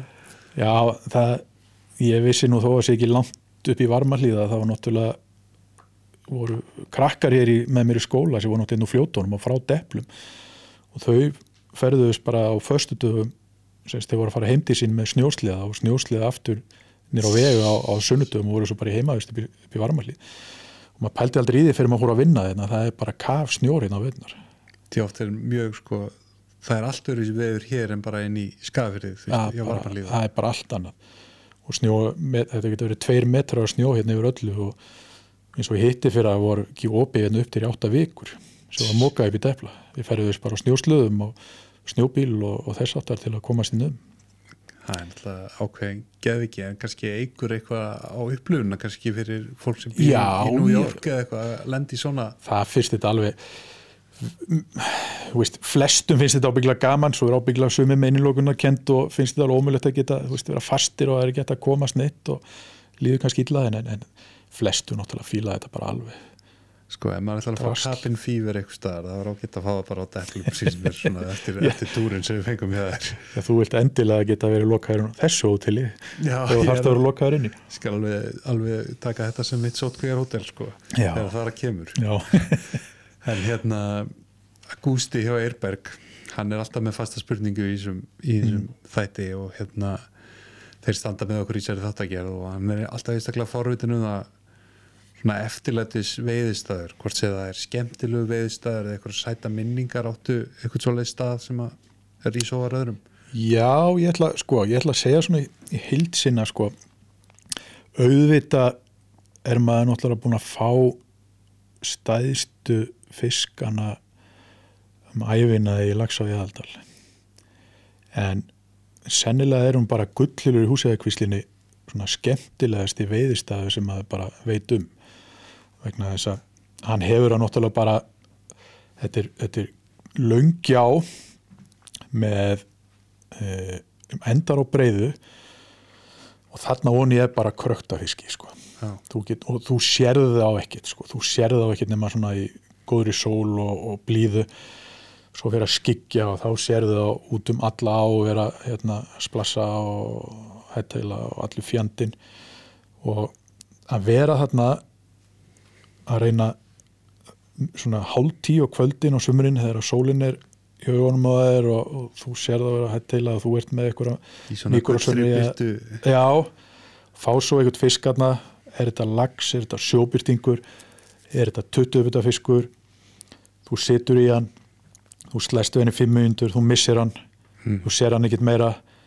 Þú veist, já, þetta var ábygglega þessi stóri eða á landarónum. Hann var vissilega stóri eða bara lítill en það er eitthvað við það að vera þannig er alveg bara mögnu tilfinning. Pluss það að, að, að sem að ef þú lendir svo í að fara út á gjánni og þarfst að taka nokkuð sund tök sko, til að koma þér aftur á þurrt. Þannig að upplunni þarna, ég ætla að segja að það sé gullilur í húsæðikvislinni sé svona, maður er búin að fá marga flotta fiskar sjá marga flotta fiskar missa marga flotta fiskar. Mhm. þannig að þetta er svona góð eftirminnasta staður og besti staður sem að mann eftir. En vissulega er þetta sama ef þú spjalla við marga sem veitt í húsæðikvislinni þá var þetta ábyggilega vesti og leðalisti veðurstaður sem verður upplifa. Ég mani fyrst get sem ég kom að það ég, þú veist, ég það láfi bara, ég myndi að henda varum stönginu bara, er þetta þessi helviti skullilur sem maður er búin að laka til að koma í? Viss, þú veist, það, það er kunst að kasta þarna. Mm þú veist, þú ert með klett í bakinu og ætlar að fara niður gjána og þú ert með grasið og þú ert með eitthvað smá ringstreymi og, og fiskurinn getur sakka sér niður og vera ómölu já, og svo getur hann að vera lengst niður á breyðu og, og þú ert kannski komið eitthvað vel áleiðis niður og háfinn að stökkva bak við það svo vast og þú bara, hvað, þú veist, hvað er að frétta þetta en það er bara eitthvað þú ert búin að vera hérna í mörg ár, þá er þetta bara mm. bara skemmtir þessi staður sem að maður getur upplifað sko. það er náttúrulega þú veist, kannski framar öðru við húsegakvísli en náttúrulega stórlita sjármánu við hana er sko, þú sér gaman að veiða og svona, en það eru náttúrulega þessi fiskar. Það eru náttúrulega þessi stórlagsar og náttúrulega þessi fáránlegu sjúbrytingar sem það er ykkur í hana. Já, og vissulega sko það er mikið af stórlægsi í húsæðakvísli ef við bara segja það þannig. Þú verður kannski ekki mikið var við þess að þú ert svo fyrir ofan gullir ertu með fossinn og gljúrin þar niður sem bara felur fiska allt sumarið. Af því að þegar við erum kannski mikið að veiða þannig í september og, og alveg fram í oktober og auðvitað lokal náttúrulega lagsaveið í september en, og mikið að gæta þarna en þú fyrir að vera var allt í einu fiska sent um hausti sem bara er ekki búin að sjást allt sumarið. Mm. og þannig þeir eru sjálfst að fela sig í fossinum annað. En það er svona kannski jújú, jú, hún hefur svona eitthvað limit. Þetta eru svona hundrað kallar þú veist, þetta er svona lava 99, 100 Já. 101 kannski þú veist, það er það, jú, jú, það er sögur um einn og einn svona stærri en þetta er svona þetta er svona línan, þú er kannski ekki í 110 cm fiskum hana Nei, eins og getur lent í svoleiðis. þetta er svona línan en aftur á móti veistu aldrei hvernig stóru sögupbytingurinn tekur sko. og hann er svo við erum svo sér rætt, þá er hann náttúrulega komin í annað þannig bara lók júli byrjun, byrjun, byrjun ágúst en ég er hins vegar með þá kenningu að, að hann sennilega su- hluti þessum fisk bara fer ekki úr áni hann bara sunga sér niður í gullil liggur undir börðum liggur undir klöppinniðar þú veist bara frá vori og er bara hann í sumari vegna þess að það er, ekki, það er svolítið skrítið ef allt í einu 20. júli eða 1. ágúst á veiður ykkur þú veist, 90 cm sjófrting í gullil engi búin að vera var við hann alla leiðina í ánni þú veist, er Heldur ekki, fiskur sem búin að hafa gengið bara árið áður eða? bara búin að vera allt sumarið. Bara búin að liggja síðan um vorið. Liggur bara undir klöppinni, undir, undir veist, það eru börð þarna því þú sér bara litin á þeim, hvernig hann er oft verið komað hann og þetta er þá meira kannski þessi pjúra hrygningafiskur sem er í ánni og ég held að sé svolítið svona munur eh, til ég nú um að bara svona, að hérna, svona með sín eigin, eigin svona eh, hugmyndir í kollinum að því við verið að merkja sjópstingana mikið. Og hann áða til að hverfa. Og hvert hann fer vittum við ekki að við kannski merkjum fisk og hann veiðist kannski vikunni eftir í ánni einu sinni en svo sér hann ekkit aftur fyrir tvö ár. Veiðist ekki árið eftir bara allt í einu poppar um upp eftir tvö ár. Og ég held sér svolítið munur á þessum geldfisk eins og við köllum og þessum pjúra hrygningafisk og ég tel að rigningafiskurinn fari síður úr ánni. Hann bara, hann fer ekki niður sjó að geta, hann bara er meira í ánni fer kannski niður í vatnaskil fer kannski í hérasvötnin liggur þar eitthvað, fer aftur upp í ána eða bara hreinlega leggja sér dvalað í ánni yfir sumarið. En hvað, hvað hann þessum massa? Þetta er ekki mjói fiskar, við erum að tala um fiskar sem eru þrjár hæði með risi og Já, já, eitthvað það þarf er, hann að geta til að ná að þroska rogn og svil og það er bara spurning hvort hann hérna sé ekki bara getandi í þannig á þessum tíma þó að þetta fá ekki mikið æti á veitnar en, en þú sér það eins og þú ert að fá hrigninga, nei þú ert að fá geldar á vorin sem er svolítið spikveitir að þú bara, hvað var þess að geta Já, Fyrsta apríl. Við lendum í því heldur betur í, í vor.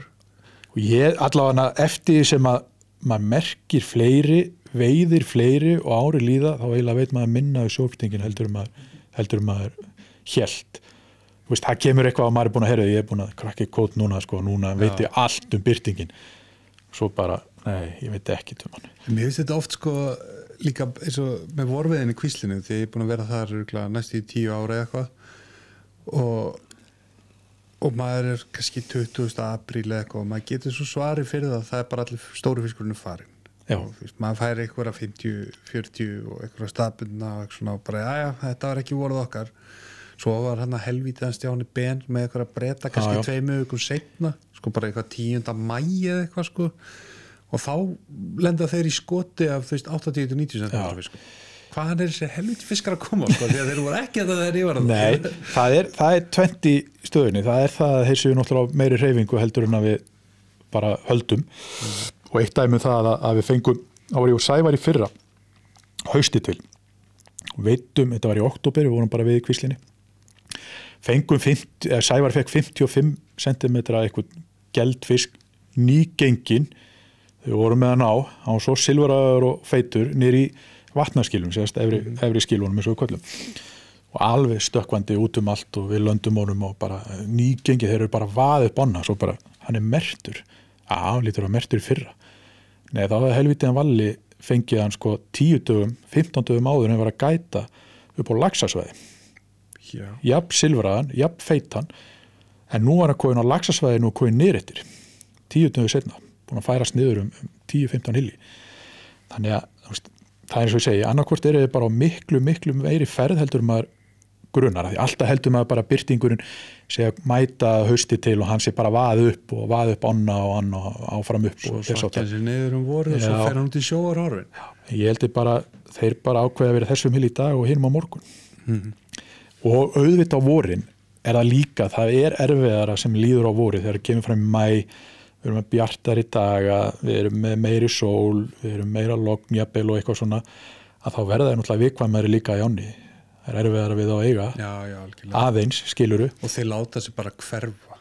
Veist, maður hefur nú oft velti fyrir sér eins og þarna ég held að það sé heilnum með 19 þarna Já. við- fyrir ofan neðstu brúna Já, á eitthvað ísla kemur hún svona stóra espi þú veist, það hljóta að vera þarna holbakkar sem geta náð tölvöld langt undir og búin að, vorum búin að velta þessu fyrir okkur félagarnir og svo Kristján Gilvarsson félagið minn situr hann í risastóran sjóbryting og er með hann lengi og ég er bara þarna sem að leggja bílnum og er svona að fylgjast með þessu og svo sér maður bara línuna fara undir bakkan hann stendur á svona svona mal, eða, hérna drullu Já. botnekurum og línum fer bara að honum, að honum en aldrei kemur fiskurinn að sökk tömurinn upp úr eða neitt svo fer hann bara undir hann já og það er bara svona og svo bara undir barðið sko.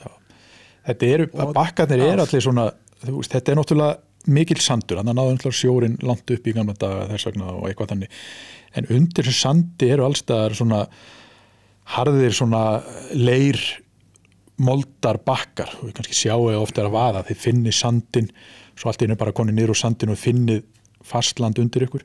Og það eru holbakkar undir öllu. En við sáum svo vel og, og við veitum, Sævar veitum hann fisk með mér og voru upp í gullil fyrir nokkrum árum. Þá vorum við búin að sjá alltaf fisk á einu stað á mót okkur. Um að stóðu klöppinni búin að vera í marga dag alltaf á sama staðnum og sást alltaf sporðin og afturhendan á hann svo enda með að Sævar situr í hann spila hann í, í svolítinn tíma og klukktíma og við erum búin að vera komið með hann upp á landi og við erum búin að sjá fiskin hann var gjössalega flekkótur hann var svo svartan haus og hliðina öðrum megin og svo var hann bara speil bjartur hinn megin. Já. þannig að hann hafði verið búin að kýla sér just þar undir barðið með hausin og annað. Haldið að hann væri allir undir. Já, nema hann sást alltaf í restina og hann var eins og hann var bara Já. Þetta segir, svona, seg, fór og- aðeins að íti manna þeir væri Svona hárlínan á Donald Trump. Já, mjög svipaði en þetta svona segir mann þetta sé svona aðeins hérna, hérna þeir séu meira þarna heldur við höldum. En veist, hvernig ætlar að rannsaka þetta? Það er, það er mjög erfitt. Ég held að við mun sjálf við, mun, vitum þó nokkuð mikið um lagsin teljum okkur vita svona mest um lagsin þó við vitum náttúrulega ekkit hvað hann gerir en við erum út í sjó almennlega, við vitum að fyrir eitthvað til Grænlands eða neytufæri en, en, en komið svo aftur resokátur en með sjópstingi vitum við ekki neitt. Það er mitt hérna Var það ekki bara hendinum kafarað núni? Jú, ég held að það væri svona næsta mála að fara bara að pröfa að kafa því að snorklaði þetta bara. Já, eða sjáu eins og með hérna lagsá í kjós. Nú höldum við og við gerum alltaf veist, við, við seljum kvíslin í júni er eiginlega ekkit veitt. Mhm. því það á ekki verið fiskur þar eftir. Örfórur eða og eitthvað svona en sjáu eins og lagsá í kjós það sem er ekki byrtingurinn í, í kjósinni allt mætir kring. bara í loki júni bara. Hann er horfin í byrjun júni og mætir aftur í loki júni auðvitað fara fiskar nýri sjó í apríl, það fara fiskar miðan apríl og veist, og svona gengur það bara. Og mismunandi Og- milli ársvæða og, Já, og, og svo fyrir fiskur aftur og komið upp í ána meðan aðra að fara. Það er ekki bara það að allir fiskurinn fari annan apríl og, og komið svo bara allir fiskurinn í sama tímanum. Ég held að fari bara svolítið upp og niður. hérna kunningi okkar hann Heiðar Valur Bergmann ég veit Já. fólk kannast líka. Hann hérna Herbyggisvilaði minn úr, úr, úr, langá. það er ágætt að ég noti þetta hérna, ágætt segvi og tækifæri sko, hérna, hann, það er viðtal við hann í nýjasta veiðimannum sem að hann sem hann er að lýsa hérna, veiðistan, uppáhalds veiðistanum maður fekk 20 pundar lags í hérna, í bjarnalögn í Haugadalsá sem er nú öllu óveðkomandi nema hann var þá að gera stafsetningavillu og hann ætlaði að skrifa tökustæður en það einhvern veginn var það orðinu töskustæður og þá fóru við endilega að lesa þetta og finnið töskustæð en hérna en þá fóru við með ræði hvað er töskustæður og töskustæður er svona svolítið eins og holbakkin sem Kristján stóð þegar sjóbyrtingur fór undir það. þannig bara töskustæður sem getur geimt sjóbyrtinga og fisk bara endalaust og þú ert aldrei að fara að veiða þá þegar þeir eru þarna maður sér fyrir sér lítið vatn tært og, og bjart og logn þá bara renna það sér inn í töskustæðin Já, svo, sig. svo, svo út á tökustæðin sko, þegar að skýt og það var það sem heiðar ætlaði að segja þetta er ekki staðstíkall En töskustæður, þetta er, þetta er nýjast orðið. Við, Já, við sáum þetta fyrir okkur. Að Pokafoss í Lagsá í Kjós er skellegu veðstæður koma varlega að mótni og þá er hann í kvítfrísin efst. En svo rennur hann sér í töskustæðin eða kemur stigða á hann Það er nokkuð gott. þannig að þetta var ekki, þetta er nýjirði frá, frá Já, heisa við höfum að nota þetta núna.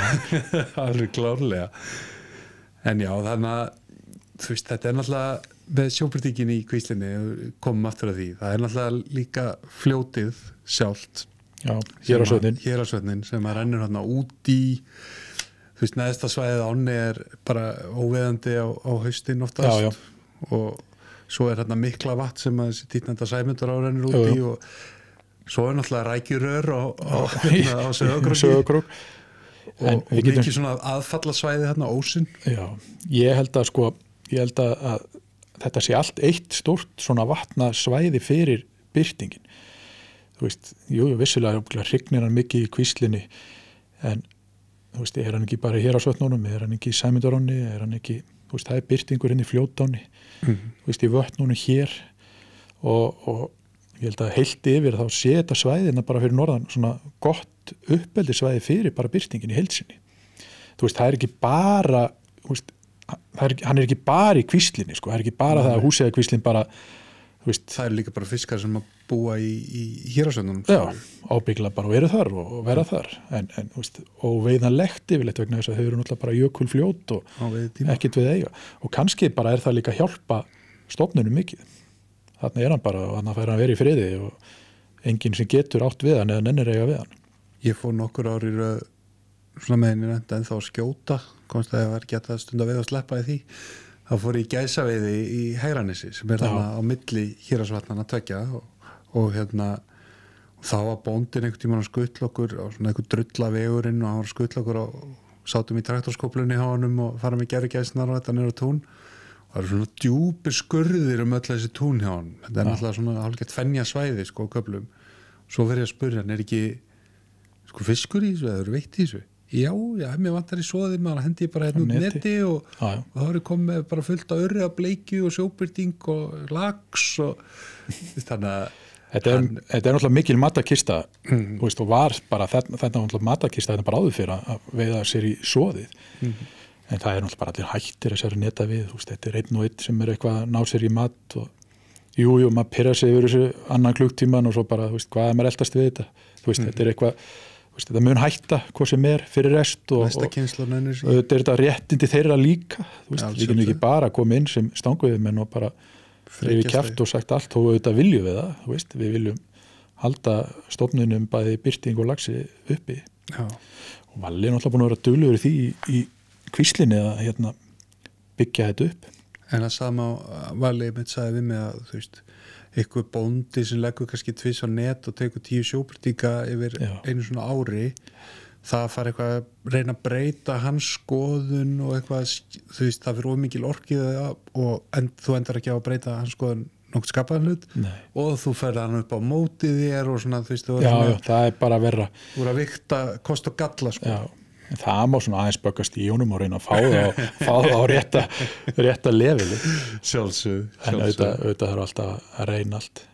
En Valli er búin að gera þarna helviti góða hluti sko því að ég man bara eftir þegar maður var eins og kom í byrjun að maður var að veiði í kvíslinni. Ég fekk nú fyrsta lagsin þarna á sílungarsvæðinu á einhverja spúnstöng. Einn dróðan á, á bakinu hérna upp til að landunum og svona þótti bara algjör kraftaverk en, en það er magna hvað kvíslinn er búin að hvað hann er orðin á þessum tíma. Algjörlega. Og svo, það var svona setna sem að fór svo að, að, að hérna ég byrja ekkit með valla kannski fyrir svona bara 2014 þú veist, veist, þú veist að veiða með honum. Mm. maður náttúrulega kaupa hann að veiðlefi og með honum í kringum þetta, en svona 2014 svona cirka, eða fyrir, þá svona fer ég að veiða með honum og, og hann er þrjusu veiðmaður já, það er, það er ljóst. En hann kann ekkert að keira ekki neitt. Og ég veit ekki, það eru ófá skiptin sem maður er búin að, hann er búin að ringi í mann og maður er að keira því að hann er fastur á vaðinu þarna eða hon í þessum hil eða spólandi á bakkanum og eitthvað svona. Þannig að maður er svona maður er yfirleitt bjargar hún menn maður er að það geta erfað það við hana því að hann er búin að kenna manni svo margt í, veiðinni. Já, ég var með þessu heppina svona þegar ég er að byrja að veiða Já, nú eiginlega bara sagði mér að byrja að veiða upp fyrir mig í lagsá og sýndi mér svona helst Já. tökin á því þannig að maður, maður kannski fyrir ekki honum maður fastur út í skurðið. Já, já, þetta trubla maður samt að vera, veist, maður er kannski að voru fréttinnar og eitthvað, eitthvað að gera, var hann að ringja og, og maður er að bruna í kvelli og reddorm út af eitthvað, þegar hann glemt að sitja í fjórulatrifi bara fastur, spólandi afturdrifinu eða eitthvað. Þeir eru svo slæm Já, já, en hann er bara svona, við er breytum honum ekkit. Nei, nei En hérna, mér langar aðeins að snert aftur á hérna, á höllná Já, í hérna þistilfyrði þú veist, þetta er litla á hann í þistilfyrði og, og ég kefti, eða var búið þarna veiða eitthvað tímann fyrir nokkur mánu síðan og keftum veiðilega elvari og, og maður hefði samt ekki alveg gert sig grein fyrir því að litla áni þistilfyrði er samt alveg á veist, það er kraftur í þessu og það er á. veitir ekkit af svitstöng á köplum já, og, já. og, en hún hefur samt svona mátt byrja bara sitt fegur að líka Hva, hvernig sjáu þið framtíðina í, með hölkná? Sko, við erum, við erum bara halda áfram þessu, við erum með svona ræktunar starfaðins jáni og það er að, að við erum að, að hérna, taka í klak og, og, og grafa hrogn og reyna að rækta hana upp fyrir hann foss og erum við veið að sleppa og erum svona að reyna allt sem við getum til að halda áfram að veist, maður vil hafa þetta svona góða 200 lags á. Algjörlega. Veist, þetta eru tvæ stangir, 200 lagsar veist, þetta væri alveg bara præmu komin í þetta. Við vorum komni mjög nálati við, veist, fyrir tveim árum þá vorum við í 180 lögsum og búin að vera liftinu upp. Svo kom bara tvö léli ár núna sem er svo sem á landvísu og hún kannski bara fellur í, í samræmi við fjölda fjölda Það veist, veitara lagsa Sandá og- svona, já, þú veist, það var þeir, allar þessar átuttu niður. Og þessi rafsuðu sól náttúrulega sem hefur verið talað um ítrekka í þessum þætti á þessu svæði í sumar. Já, en við ætlum allavega að halda áfram að reyna kominu í, í, í, í gang og, og, og vonandi ef að svona í framtíðin ef að, ef að, ef að við erum að grafa rockfyrir á foss og ef að það teksta þá getum við kannski reynda að opna fossin og bæta við einni stöng og fleiri svæðum þar fyrir ofan. Hvað myndi það opna ef að, ef að fossin er þið svona? Þú veist, það eru 8 kílómetra yfir bót, 20-25 veiðistæðir, flottir stæðir. Eða þá að við höldum bara áfram með tvæstangir og erum bara með fleiri staði og meira aksjón, meira, meira líf. Það er ekkit endilega það að maður þurfa alltaf að bæta við stöngum. Nei, en þú vilt kannski að möguleikan og þú veist, þegar þú ert að selja holum eða einhverju að þú, þið vantar þetta svona að geta verið með, sölu vætna að vera með eina stöngi viðbútt ég meina það verður kannski ekki vittlust fyrir, veist, man, mér bara datið í hugi, kannski bara í ykkur ruglega en að selja, þú veist, tvær stangi með veiðhúsinu upp, upp á fossi og svo kannski þetta Já. skjótast á þyrlunum með eina stöng Eh, upp- upp undir. út eplum já, já. og svo er en, það er ennþá fyrir ofan þó svo við sem ekki með það að, að það er urriði upp á fjalli eins og maður kallar upp á heiði en það tekur maður núna á þriðja tíma þú ætlar að fara að keira á bíl frá veiðusinu frá okkur Hefur eitthvað kíkt á þetta? Eh, Ég er búin að keira einu þarna upp og, og skoða þetta og, og ná við nokkur urriða. Ég vissi að Elvar fyrir svona fleiri. En það er, þetta er mikið ferðalega og, og, og það er svo sem bara það að semja við landajóndar en maður að fara að kíkja þarna. Svona svipuðum slóðum og, og það sem ekki skúla fór með í sporðarkvöstum en hann kerið upp úr Hafralós, en kerið upp úr vopnafjörnum ekki til að fara í Já, þetta er svona svipuðum slóðum. Og vætt fiskur og Já, vænir hann að fiskar en, en, en þú veist, þetta er, þetta er samt svona erfitt að ætla að fara með eitthvað upp mm og eins og fyrir okkur að fara að fá kannski einhvern útlending hérna til landsins til að fara með hann upp, til að fara að selja honum með einhverja frábæra hérna, háfjalla veiði og vera samt í einhverju svona tilhörnastar sem með að veist ekki hvort þú fáið fisk eða ekki og svona Já, þú líka að fá bara einhverja hérna, æfintýra menni að fara og mappa þetta þess Já, Er þetta ekki líka alveg svakalegt lapp? jú, þetta er Ég fa- Já, ég hef farið hann upp í Hárlundsdótið Þetta var Já. rosa lapp sko. En svo má maður kannski ekkert maður það náttúrulega passa sig að hérna, ef maður ræðir þetta mikið þá sjá náttúrulega kannski bændinni bara er, í augunum og svona. einmitt Kannski betra að hafa þetta bara ósnert og fá að skreppa einstöku sinnum. mm Það er einhverju gæjar og þórsöfn að bölva okkur núna Kemur að tala um þetta Já, hvað er þetta að fara? Hvernig ætla að láta alla vita þessu og svona. já, En svo En þetta er náttúrulega bara mörg, þú er ekki bara þarna, þetta er náttúrulega bara allstæðir kringum okkur það sem eru ykkur urriðar og flotti fiskar inn upp á hálendi en, en það er bara að finna það. En það má nú líka kannski bara hafa í huga þú veist, fyrir veðmenn sem búa á Íslandi þú veist, það sem að þú veist, jú, það sem að maður er að röflum og er dýrt en alltaf það sem er líka aðgengi að og auðvöld að komast. Já. ef einhver er tilbúin að leggja á sig og jafnvel svo í tjaldi þá, þá er nú bara ævintýrun upp á næstu heiði sko. Já, já, veist, menn með ekki halda bara að, að, að þessi sko fjallaveiði, þú veist, þú getur selt ykkur á stöngu á 100 ára skall daginn sko og, og það er ásókn í það sko. Það, það er ekki þannig, það þarf þá að byggjast upp og fungera og virka sko að hún gerir það. og ég vil leita það þannig að mennin sem er peninga til að borga á þetta eru gamlir og nenni ekki að labba.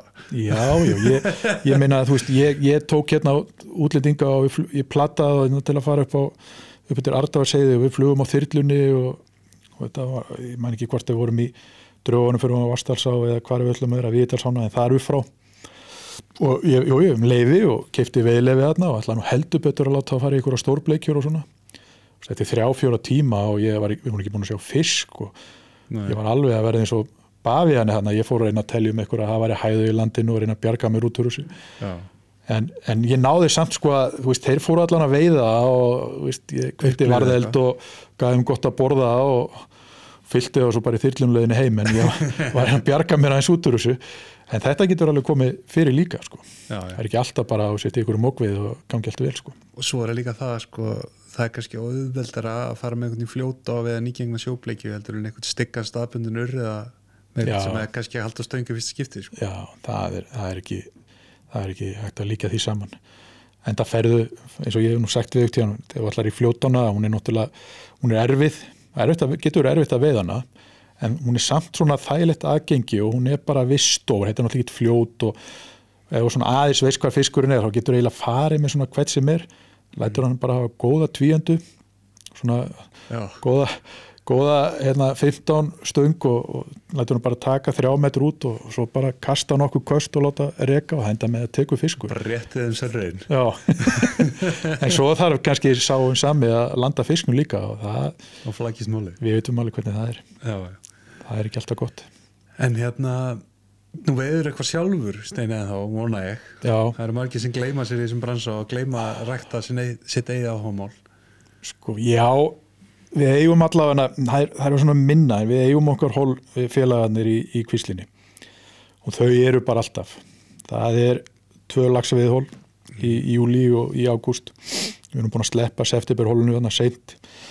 Og, og við förum í, í eitt, eitt vorhól en svo er ég svona bara að detta inn í veiði hér og þar veist, maður, ég, ég get eiginlega ekkert verið að bóka með eitthvað að panta í öllum þessum ámán sömurinn fullt vegna sem maður veit ekki hvort maður sé að vinna eða þurfa að vinna eða annað. Ég freka að ferð þá bara með stuttu fyrir var að maður dettur upp um eitthvað já. Og veist hvort það sé í blöndu eða þú ert nú líka að Aldalinn. djöflast sem maður í mæ í húsjakvíslinn kannski er svona eftirspurnin eftir leiðum með farin að dala og... ég, það er svona að segja það sko, fisk, ég, fiskurinn er hann ennþá í mæ Já. og þegar maður bara röltir um og, og nennir að vera að veiða hérna maður er oft fá flotta fiska bara síðast í mæ Mhm. og ég nota bara þessa tíma oft líka tunda bara hérna í, í röldaustar einn og, og veiða í, í meðan mæ og lók mæ og þá er maður alveg góðu svona fram í júni Ég man nú eftir því voru tjúm með leiguna, ég veit ekki hvort sé með þá hérna veiðin í ósnum á hér við, við erum með það ennþá. Og það er það er samt mjög mikil kungst að veiða sko, því að það er náttúrulega eh, yfirleitt þegar að fer að líða á einhvern litur í ána litur í vötnin en, en þeir sem voru að náður voru náttúrulega bara með bungsökku og, og beitu og makril og, og lögðu bara út, það voru bara stangir hérna í, í, í bara metur og milli stanga niður eftir öllum, öllu svæðinu sem var kannski öðuldari veiði. En ég nota þetta og ég fer oft í þetta og, og svona ég bara klári völurnar og farin út og fann að kasta eftir fimm minnundur Já. heima frá sér. Tek klukktíma í þetta, tvo tíma. En við höfum svona leiftur sem stundum að fylgja með kvístin líka. Mhm. menn geti fengið að fara nýrittir ef að er rólegt upp frá og pröfa að kasta í þetta. En að haladrið var náttúrulega bara til að stoppa drápið og, Já, á veiðinni. Partur af stóru myndinni. Já, Ég manum mitt einu svona fekk ég að skjótast þarna koma þarna við á svona mjög vindasum degi í loks eftirber og, og ég held að þetta er algjör veisla maður og það var veisla en það var ekki veislega af mér, það var veislega af þessum átta selum sem Já. tóku þarna móti mér. Þeir eru þarna hressir stundum en, en það finnst að fer upp sko, þetta er ekki allt byrtingur það er svolítið að síld sko sem er fer alveg upp fyrir neðstu brúna sko. Já, bara síld. Já, þannig að þú, ef þú fer að veiða og fær oft svona í júni, þá færðu síld þarna og svona, svona skemmtilegt. Gefur veit síld á flug. Já, já, og það er alveg töf sko, smá, smá svona kvikindi en, en, en þú er að, hérna, ég nú ekki fengið þorska þarna en eitt hanni. Það er náttúrulega bara legendary að fá síld á flug á Íslandi sko. En þetta er mjög, ég, ég, maður er nær oft þegar maður kemur á vinnunni svona þreyttur og eitthvað að hugsa um eitthvað, fínt að fara bara nýr til í klukktíma og kasta sko. Þetta er myndaðir með síld og flugustung Nei, það er spurning hvort að það sé ekki bara, ég reyna að gera það núna. Já, bara endilega, það voru að senda okkur sko. Það á kannski útskýri líka samikið lutana af hverju þeir eru svona þykir sjóbyrtingarnir að Ég hef svo að sé mjög mikið að þetta fá mjög mikið að geta og þeir fá líka sko, ég veit ekki, við hefum kannski ekki séð það en til dæmis eins og þeirra og vorin þeirra þeirra leysingar eru að þá er náttúrulega bara fjaran alveg inn í bryggjókróknum og langt út er svo litað að það er bara þú veist, þó er allir að fara með eitthvað agna að fara að veiða þarna á bát eða gera eitthvað, jú, jú, vissulega færið einhvað en, þeir eru svolítið í svona miklu skjóli. Já, þeir fá frið. Þú veist, þú, það er ekkit sjálfgefið þó þú farið á bát eða standir í fjörunni eða veiðir hjá rörunni með rækjunni að þú fáir fiska vegna þess að þeir bara þú veist, þeir sjá, jú, jú, þeir finna líkt að ætið og eitthvað þannig Já, það eru svona aromatísk beita Já. eitthvað sem þeir geta runnið á lyktina já, já, og vissulega veðist þarna fiskar að, að hérna, fólk er náttúrulega allt ekkit fíbl, það veit alveg að það eru fiskar þarna og, er búið að veiða fiska í fjörunni í 100 ára á sögur þannig að það er ekki, þetta sé eitthvað bara var að byrja fyrir tveim árum Já, jú, menn er að draga spæni þarna á bátum og sko. og þetta pyrrar mann alltaf mikið að sjá þá menn koma á bátum fram og tilbaka veist, fimm metra frá ströndinu og er að tína upp byrtinga og, og taka en, en það er bara eins og maður segir oft þetta er, þetta er partur af þessu kannski bara. Berjast við vindmjölur að ætla að fara í alla slægi já, og mikið, reyna að einbeita sér bara ykkur öru að rekta ána upp. Steinir, eru að gleyma ykkur sem þið langa að koma að Maður, Nei, nú er ég allan að búin að setja eitthvað út á elvar og valla. Já, líkilatri það var líkilatri, það var að gera það. En nei, það var svo sem kannski ekkit svona sem ég man eftir í, í fljótu bræði sko. Birkir Ég er með eitthvað svona pælingu. Við erum ekkert búin að tala um þetta senstu þrjá, fjóra, fimm þætti. Þetta er kannski ekkert vinsælt topic en bara eins og áinn hérna og svona, ég er að sjá eitthvað hnúðlags eins og í fyrra. Herðu, ég held að við höfum eins og áinn hérna hefði veist einn í fljótáni einn eða tveir og það var eins í kvíslinni þetta voru einn eða tveir, Mhm. það var ekki meiri það. Og þetta hefur skeð svona bara eins og við vitið við, veist, hvað eru tíu ár síðan að við fórum kannski að sjá núlags fyrst inn á Íslandi eða ykkur svona, þú veist, að poppa upp.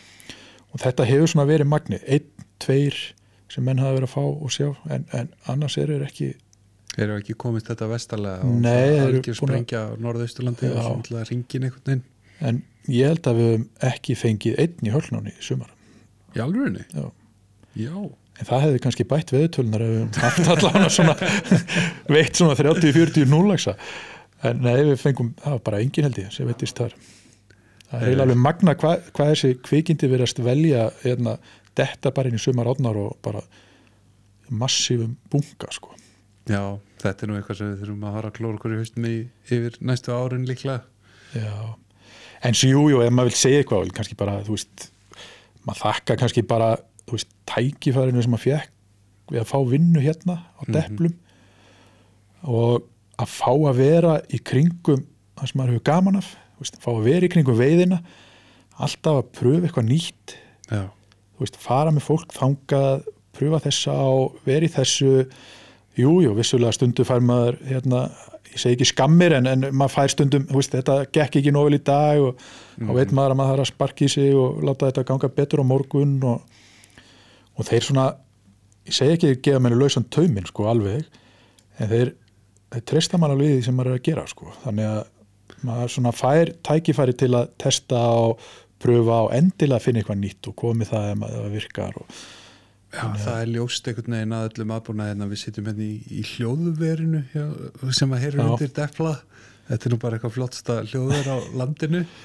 En hérna einmitt að svona eh, þú veist, ef það kemur góð hugmynd þá er augljóst að það er sett power og svona backup í að, að keira það alla leið. Já, og maður er eiginlega freka skotið niður ef maður kemur ekki með hugmyndina sko. mm þú veist, þeir vilja, jú, jú og, og við notum allskins kerfi til að ræða hugmyndir og stundum er það bara rættar í þraula og það er bara við sjáum fram að það, veist, þetta er ekki eitthvað sem við ætlum að gera eða, og, og þú veist nákvæmlega eins og með einhverjar leigur og ám og svona, sko, þú veist -hmm. þú veist, eru við að fara að leiða eitthvað meira? Nei, þú veist, nei, ekki eins og staðan er á Íslandi, en, en þú veist, vissulega er umræður oft í gangi um hitt og þetta við bara, heyrðu, þetta borgar sig ekki að fara í allt þetta, þú veist, kaupum bara freka veðilega þessum og höldum bara áfram sem við að gera, en, en þannig að ef þú kemur réttu hugmyndina þá, þá er þú veist, einmitt, þá er þetta að taka í gikkin á henni Já, já, og við viljum ekki, af því að við viljum heldur ekki, veist, við ætlum ekki að vera ykkur óeinsalir á Íslandi af því að við séum eitthvað að ráðast inn í hitt og þetta en, en auðvitað við í business. Þeir eru fyrst og reynst að reyka depla þeir ætla ekki að vera risastór veðilega sali sem reykur líka eitt hótel, skilur Nei, og það, það viljum við ekki og þú veist, ég, mér fannst þið aðeins svona tíanbili farin að hann var nú fyrir hrun, sko, nei, hérna COVID, þá tala maður rugla maður saman hrun og COVID, sko. Já, þetta er, En þetta er sama nýja hrunið. að, að þá fannst mann að vera svona, maður var dottið svolítið mikið inn á það að vera bara íslensku veðilegsali.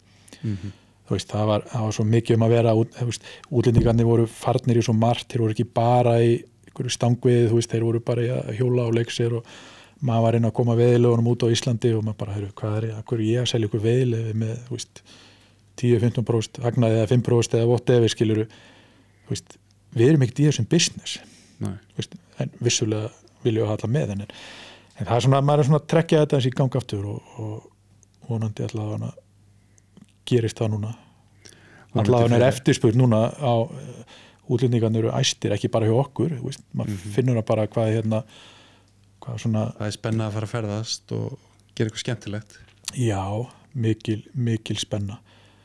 En það er svona fljóttina en, en svona, maður heldur ofta að hérna að það sé svo mikið af útlending af, hérna, fyrir ekki, að það sé svo mikið af veiðimönnum í heiminum, útlendingum en þeir eru með fáir. Mhm.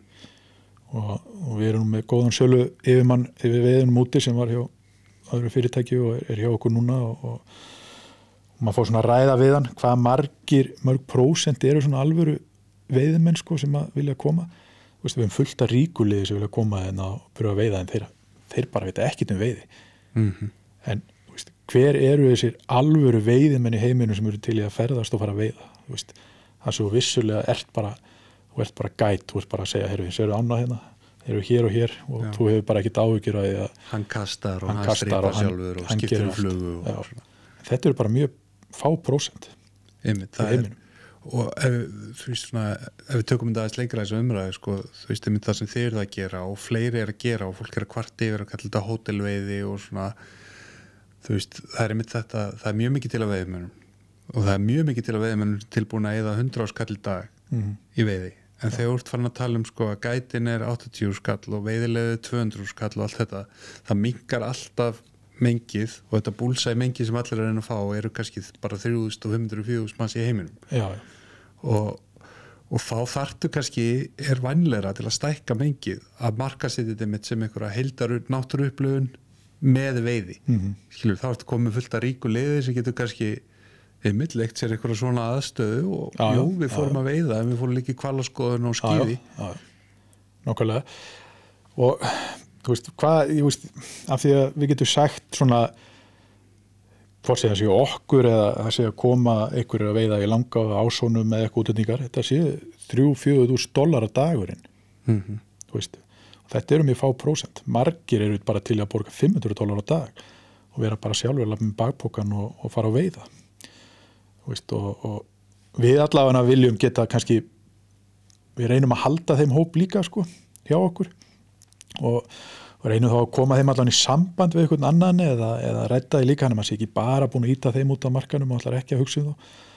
Af því að veist, við þurfum þessu alveg veðmenn en og einhvern tímann náttúrulega verða þeir kannski Já, já, einhvern nákvæmlega en þetta horfum við hitt og, og, og veist, konunnar koma og er á deplum og er í nutti og, og er í lauginni og konur veiða líka stunni er já, að því ég ætla að segja svo koma þær og kíkja eftir hátegi sko og, veiða og hérna og fá tvo, ég er að bjarga mér út úr þessu. En hérna, já, já, það er þú veist, þessi brans er að, að þróast að, að, svolítið í þess átt mitt Já. Þú veist, þú bara sér hvað er að gera fyrir austan já, í kringum Radcliffe og hérna Six. River Project og hérna strömferðara og breytingarnar að veiður svona í þvera og svona, það er Já. alveg ljóst að það er að reyna að finna nýja markkópa til að selja veiðilegun í já, já, það er það og, og, og þú veist, við getum þú, ég, þú veist, maður veit ekki ræða það núna en, en, en þú veist maður skilur líka alveg Ísletingana sögumir hafa áhyggjur skilur auðvitað. Get ekki, þú veist, en, en afvonandi verður ennþá til fyrir þá eitthvað ég meina, þú veist, það er mörg, það er mörg, það er mörg ár síðan að vennilegur Íslendingur hafið eitthvað efni á því að, að veiða, sko. Það skiptir mig rosalega litlu persónulega máli hvort það kosti 2000 dólara að veiða í lagsa í ásum eða 5000 Já. Ég hef jafn lítið þú, þú, sko. þú fer ekki hvort sem er. Nei, þú veist þannig að hérna, ef það kostar 5.000 og það skila sér til hérna, landið þetta og þeir sem eru bara að reyna að hámarka arðsynur auðlindar, þá er það bara já, frábært. Já. já, já, því að ég get þetta kannski fengið vinnu við að gæta. Já, þá er ég sáttur. Já, já og, og, og, og fengi svo kannski einhverja jæðadaga og eitthvað í kringu það þannig að það, það telur allt saman. Af því ég er ekkit vissum að við værum svona góðir og færir og mikið, þú veist, þetta er business fyrir marga gæta og annað að komast inn í þetta. Eh, væri náttúrulega bara ennþá í sama eh, eins og þetta var hérna bara sem voru bara Íslendingar að veiða. Veist, þá kannski væri ekki til gætar og það væri ekki til þessi flottu veiðhús og það væri ekki til þessi þjónust á ferðhús sem við erum að byggja upp hérna á Íslandi. Veist, Ísland væri kannski bara eins og 1980 á hausnum með þá Já. ég er ekki að segja sjálf veiðin eða þakka en ég meina að þetta er við erum elsti, elsta svona grein ferðarþjónustunar kannski á Íslandi Já. miklu leiti ég hugsa það þetta eru túristar sem eru búin að koma hérna í, í 120-30 ár bara Já. fast Já. áður en að nokkuð fór að pæla í norðurljósum eða að skoða gull og geysi sko. Já, og það var svo fyndið að heyra því að maður, maður ræði við Óla Bonda í Hölkná sem er svona alkallin á svæðinu að maður held að maður aldrei heyrt til dæmis um Hölkná Mhm. þú veist, það er mjög stutt sín í heyrðum hölkna en þannig eru bara búin að vera sko, aldamótin voru ykkur frakkar og veist, 1920 voru ykkur brettar hérna með ána og veist, 50 voru ykkur rússar eða skilur þetta er búið að fara svona. Og, og alltaf búið að fiskur alltaf búið að menna veiða og mörg veið búið að vera ábyggli 100 ár ykkur að þvælast þannig maður er bara ekki teirt af þessu. Nei, maður hugsa bara hvernig síðustu tíu ári er búin að vera þetta og, og mann maður ekkert meira sko. Nei. En er steini, takk kærlega fyrir að taka svona vel á mót okkur hérna á deplum og lega okkur að nota aðstöðuna hérna hjá þér og, og náttúrulega að lega okkur að kynast þér og, og starfseminni. bara takk fyrir komina og bara njótið